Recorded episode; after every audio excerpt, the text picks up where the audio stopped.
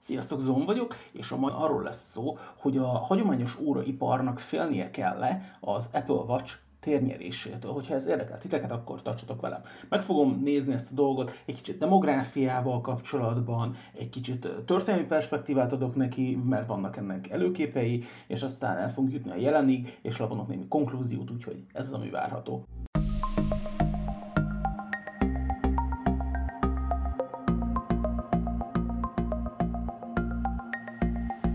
Ez a podcast formátum, a teljes élmény érdekében nézd meg a videót YouTube-on. Sokan félnek és féltik a hagyományos óraipart az Apple Watch-tól, mint terméktől is, és mint jelenségtől is. Úgyhogy lehet, hogy nyilván az Apple Watch egy szimbóluma az okos óráknak, és a legjobban fogyó termék, tehát hogy mégis ezért ezzel azonosítják. Lényegében a teljes iparágat, úgyhogy amikor Apple Watch-ról beszélek, akkor nem feltétlenül csak és kizárólag az Apple által gyártott Apple Watch-ról beszélnek, hanem itt ez alatt lehet érteni a teljes okos ipart lényegében, csak egyszerűbb így hivatkozni, úgyhogy ennyit mindenképpen szerettem volna az előre elmondani. Nem történelmi előképek nélküli ez az egész dolog. Ugye amikor a kvarcválság megtörtént, és ugye erről volt kettő videóm is, hogyha nem tudjátok miről van szó, akkor nézzetek vissza az ajánlatkártyák közé, majd úgyis felteszem, vagy kerestek rá a csatornán, hogy kvarcválság, mind a kettőt megtaláljátok. Tehát, hogy a hagyományos óraiparnak voltak már kihívásai.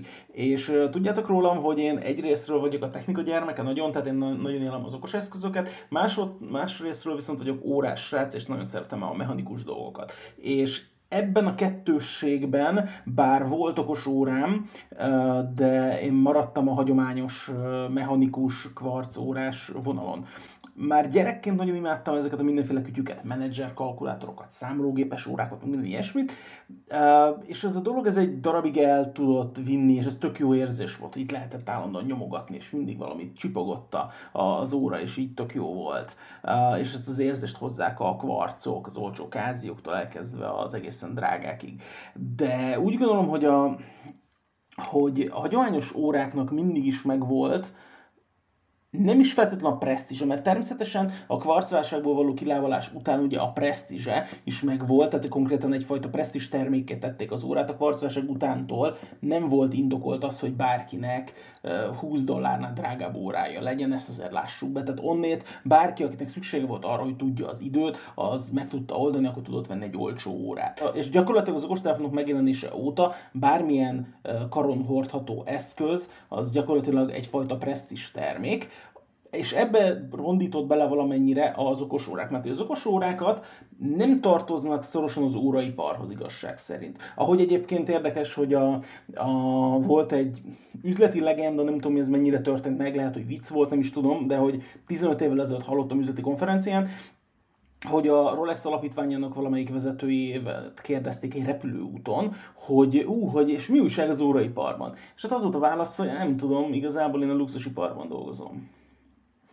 Tehát, hogy más, más az iparág, és az okos órákkal kapcsolatban is ez van, hogy ezek nem órák. Tehát, hogy bárhogy is nézzük, az okos órák um, karon hordható elektronikus eszközök, karon hordható kütyük, karon hordható telefonkiegészítők, de az órákhoz effektíve nem nagyon van közük. Igen, mutatják az időt, van szíjuk, és körülbelül ennyi, ugye, ami, ami a kettőben összefüggés van. Sokkal több köze van a kütyükhöz természetszerűleg, mint amennyi a hagyományos órásiparhoz, és egyébként érdekes, hogy innovációt is hoztak. Például nekem nagyon-nagyon szimpatikus az, ahogy mondjuk az Apple Watch-oknak a szíját lehet cserélni. Ugye van egy ilyen, ilyen gomb a szíj részén, azt megnyomod, és akkor utána lehet cserélni a a szíjat. Ezzel kapcsolatban, vagy ezzel szemben a hagyományos óraiparban ugye mindenféle ilyen springbárokkal, meg hasonlókkal szórakozunk, és akkor ahhoz vannak ilyen, ilyen springbar túlok, amiket mutogattam is, ugye a, a, mivel megyek nyaralni a videóban, ugye mutattam az egyik springbar túl, tehát általában azt használom, de azon kívül van még itt majd 16 darab, olyanokkal játszunk, és fixen mindig megkarcoljuk az óránkat, tehát hogy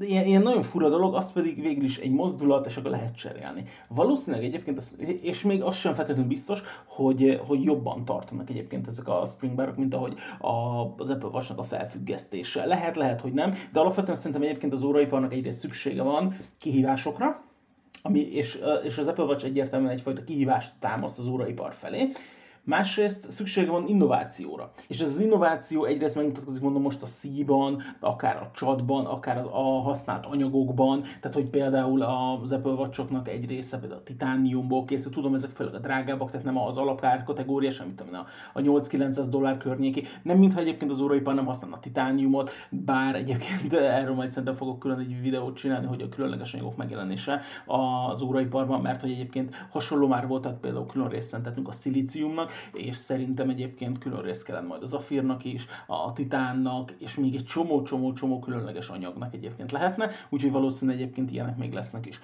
Sokan félreverték egyébként a harangokat az Apple watch a térnyerése miatt, mert hogy eladott darabszámban lényegében az elmúlt üzleti években rendre megverte a hagyományos óragyártókat. És erre sokan azért a szívükhöz kaptak, hogy úristen, úristen, úristen, de nyilvánvalóan nem gondolja azt senki, hogy mondjuk egy 30 ezer dolláros óra és egy 1000 dolláros óra, mondjuk, vagy 500 dolláros óra egyáltalán hasonló kaliberben van. Tehát, hogy ahogy nem gondolja senki azt, hogy azok, akik mondjuk nem tudom én, valami alsó kategóriás suzuki vesznek, hogy az ugyanaz a célközönség, mint akik mondjuk uh, valamilyen Lexus terepjárót vesznek, vagy akár mondjuk egy, egy Teslát vesznek. Tehát, hogy a kettőnek teljesen más a célközönség és más a felvevő piaca. Én úgy tekintek egyébként az Apple Watch-okra, mint egyfajta kapudrogra. A Forbes egyébként közétett egy tanulmányt, ami a különböző életkorok leosztását mutatja az okosóra vásárlók közül. És ez nagyon izgalmas tanulmány, mert hogy a legtöbben a fiatal generáció tagjai vásárolnak egyébként okos órát, olyanok, akik egyébként nem vennének más típusú órát.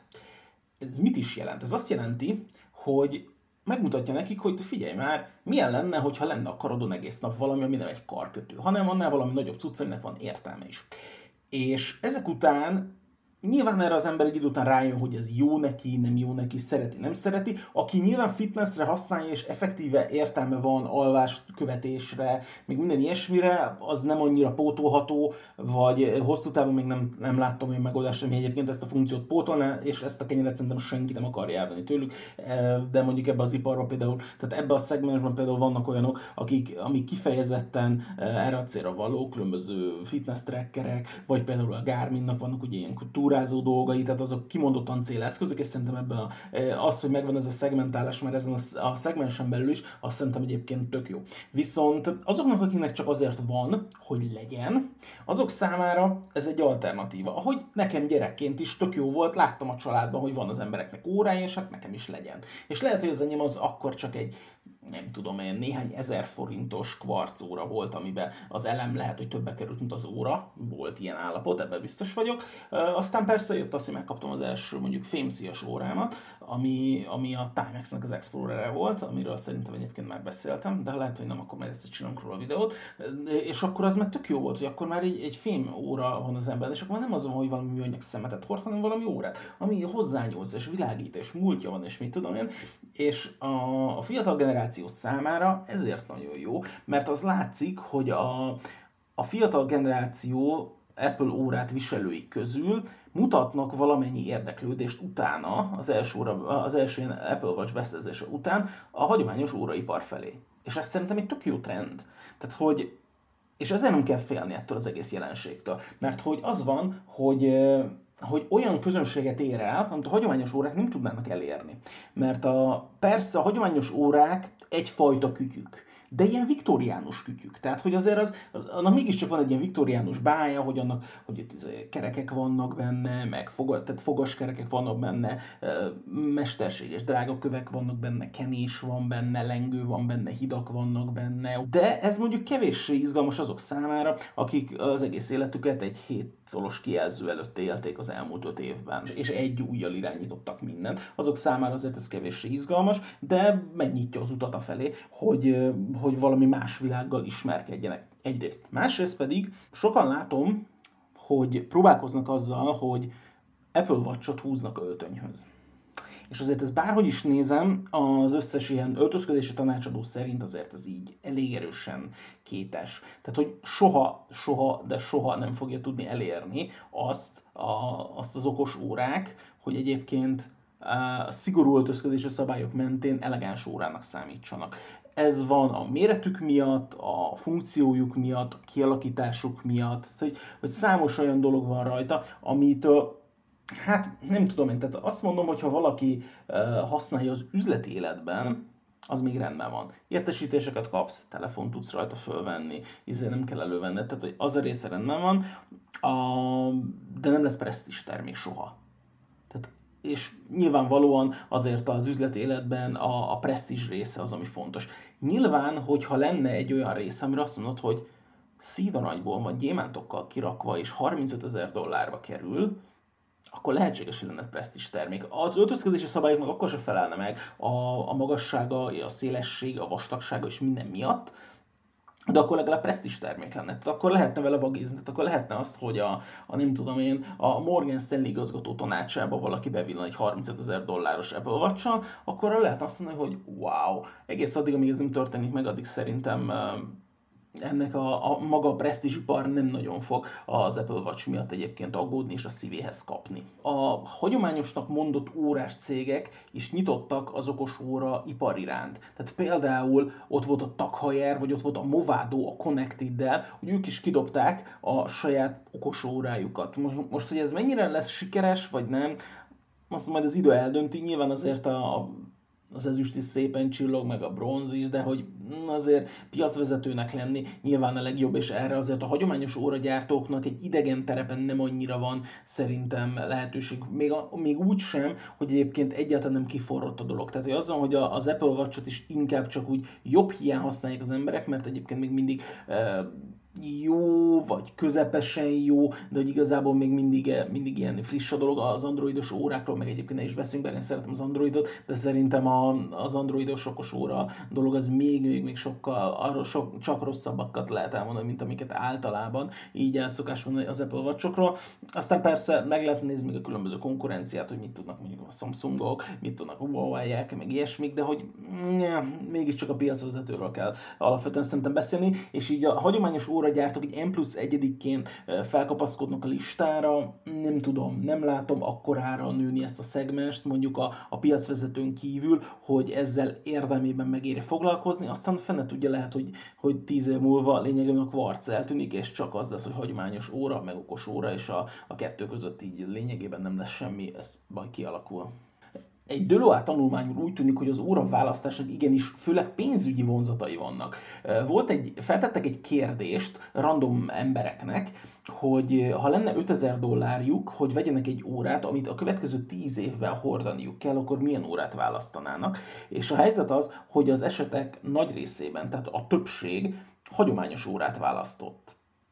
Tehát, hogy nem a legmenőbb okos órát választották, hanem valami hagyományos órát választottak. Nyilván itt a hagyományos alatt azért nyilván az eltér attól, hogy most ez Rolex-et vesszük ennek, Tudort, Grand Seiko-t, vagy akár mondjuk a Seiko-t, vagy Longines, vagy Tissot, vagy teljesen mindegy, de hogy a lényege az, hogy, hogy mégiscsak a, tudják az emberek, tehát a tartóság az egyébként az emberek fejében van ezzel kapcsolatban.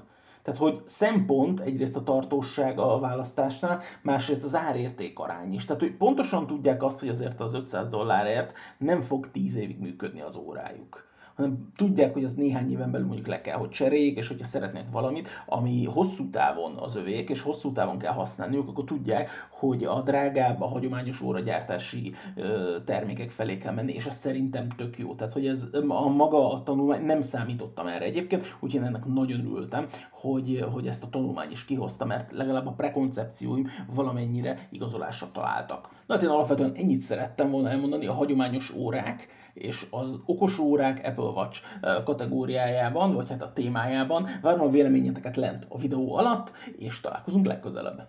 Sziasztok!